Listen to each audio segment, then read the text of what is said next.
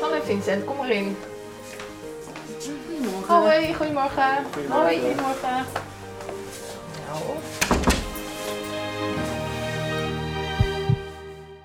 Nou, welkom. Ja.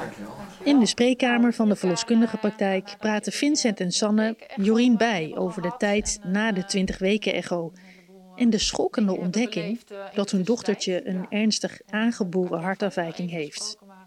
In medische termen HLHS, oftewel het hypoplastisch linkerhartsyndroom, maar ook wel eenkamerhart Het nu genoemd. wel, eh, wel goed gaat. Ja, fijn te eh, horen. Ja, we, hebben, eh, ja, we bereiden er wel ons op voor dat eh, als ze geboren gaat worden, dat het dan een behoorlijke rollercoaster van start gaat. Ja, ja. Ehm, dus we proberen er maar nu zoveel mogelijk van te genieten en eh, nu het nog rustig is. Ja. En, Ja. ja, ons te- zo, zo goed als mogelijk erop voor te bereiden. ja. Ja. Is dat op een bepaald moment eh, gekomen dat je dacht van goh, er is een bepaalde keuze gemaakt of we hebben een keuze gemaakt en nu gaan we. Ja, ja, zeker. ja, de, ja, de eerste maand was eigenlijk gewoon een groot eh, keuzeproces. Ik krijg natuurlijk eerst heel veel informatie over wat is eh, de diagnose HL, HLHS, wat betekent dat. Ehm, en wat voor keuzes komen daar. En dat zijn echt, ja, ik weet niet, keuzes die je niet veel moeten maken. Ja, ja. Keuzes over leven en dood. Ehm, maar ja, ik denk dat we daar nu gek genoeg ook wel heel mooi en dankbaar op terugkijken.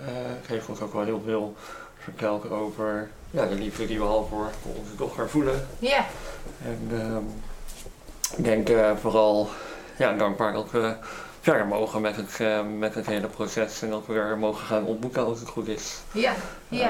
Ehm, maar ja, er is natuurlijk heel veel aan vooraf gegaan voor dat het duidelijk was dat dat ook zou gaan gebeuren.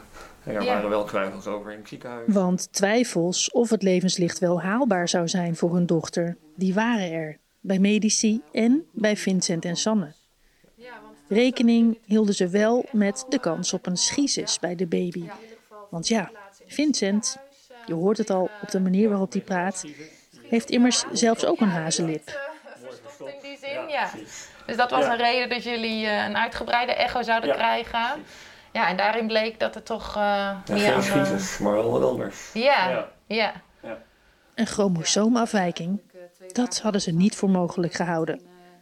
Laat staan het onvermijdelijke vraagstuk over leven of dood. De keuze die ons werd voorgelegd was ehm, ehm, ehm, of eh, afbreken. En dat, daar zouden we dan nog nou, drie weken of zo de tijd voor hebben. ja. Ehm, of ehm, haar eh, ja, voldragen en eh, dan de keuze maken om haar wel of niet te laten opereren.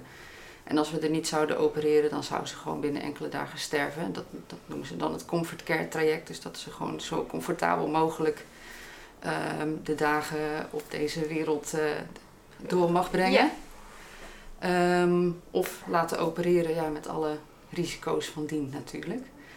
Ehm, en op een of andere manier zeiden we vrij snel van, nou ja, beëindigen, dat is geen optie. Nee. Na alles wat we hiervoor hebben moeten doen, eh, gaan we dat niet doen.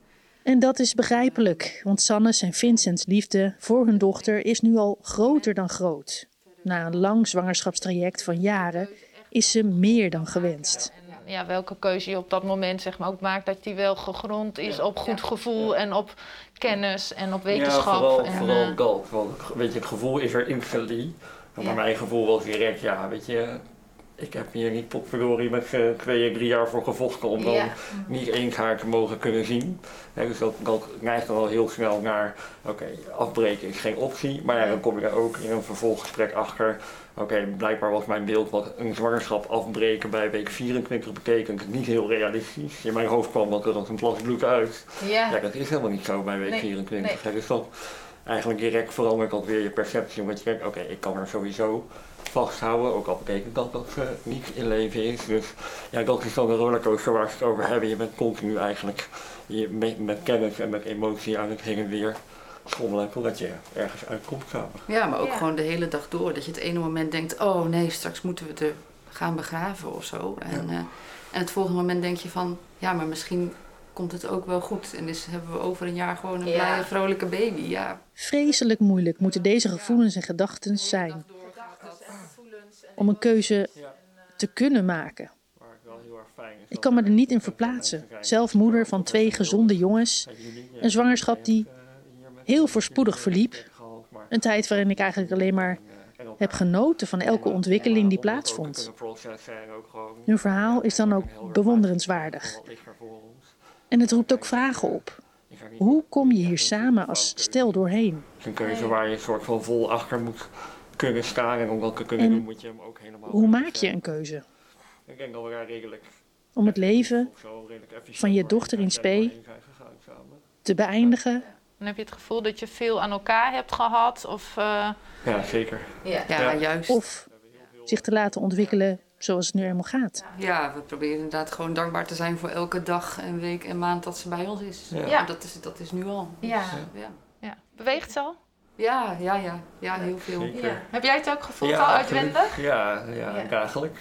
Ja. Ik probeer dan ook wel even een momentje te pakken om, eh, om dat te voelen. Het is ook iets gewoon om heel, eh, ja, heel dankbaar voor te zijn. En ook heel belangrijk voor mij om, ehm, ja, om dat nu al te kunnen ervaren, omdat ik niet weet hoe lang ze Ja. bij ons gaat zijn. Ja. Ja, als dat eh onverhoopt nog heel kort is, dan ben ik super blij dat ik dit nu al heb mogen, mogen voelen, zeg maar. Ja. Weet je, ik zit het zo eens even te beluisteren, jullie verhaal. Maar echt zo bijzonder hoe jullie hiermee omgaan. Je moet natuurlijk een weg vinden, want je hebt geen andere keuze. Ja, En zwangerschap is heel onzeker, maar bij jullie is het echt meer dan dat, hè? ja, ja.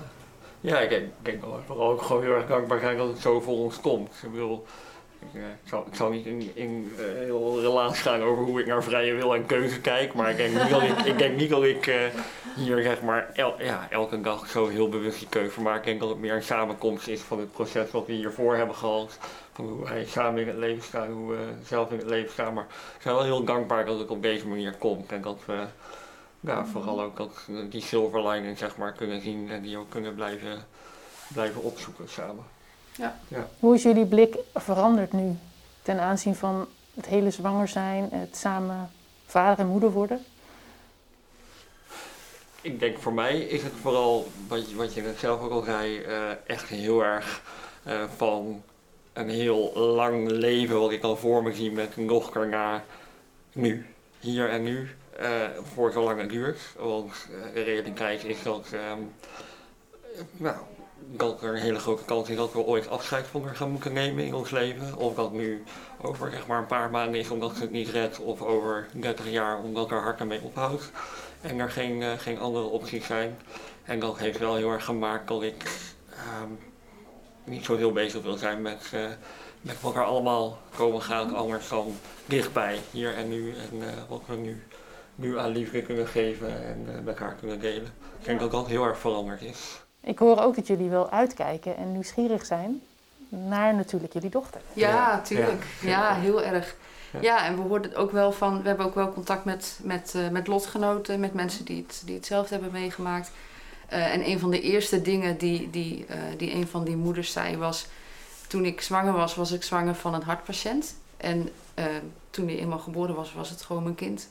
En dan, is er, dan, dan maakt het allemaal niet meer uit. Dan wil je gewoon erbij zijn en dan ben je gewoon ontzettend blij en gelukkig. Ja. En eh, nou, dat, dat gaf me echt heel veel hoop. Dat vond ik echt heel mooi om dat te horen. En dat was zeker in een periode dat we nog wel met heel veel vragen en heel veel onzekerheid Ja. zaten. Ehm, maar ja, ehm, daar hou ik me wel aan vast, zeg maar. Daar is die. Daar is die.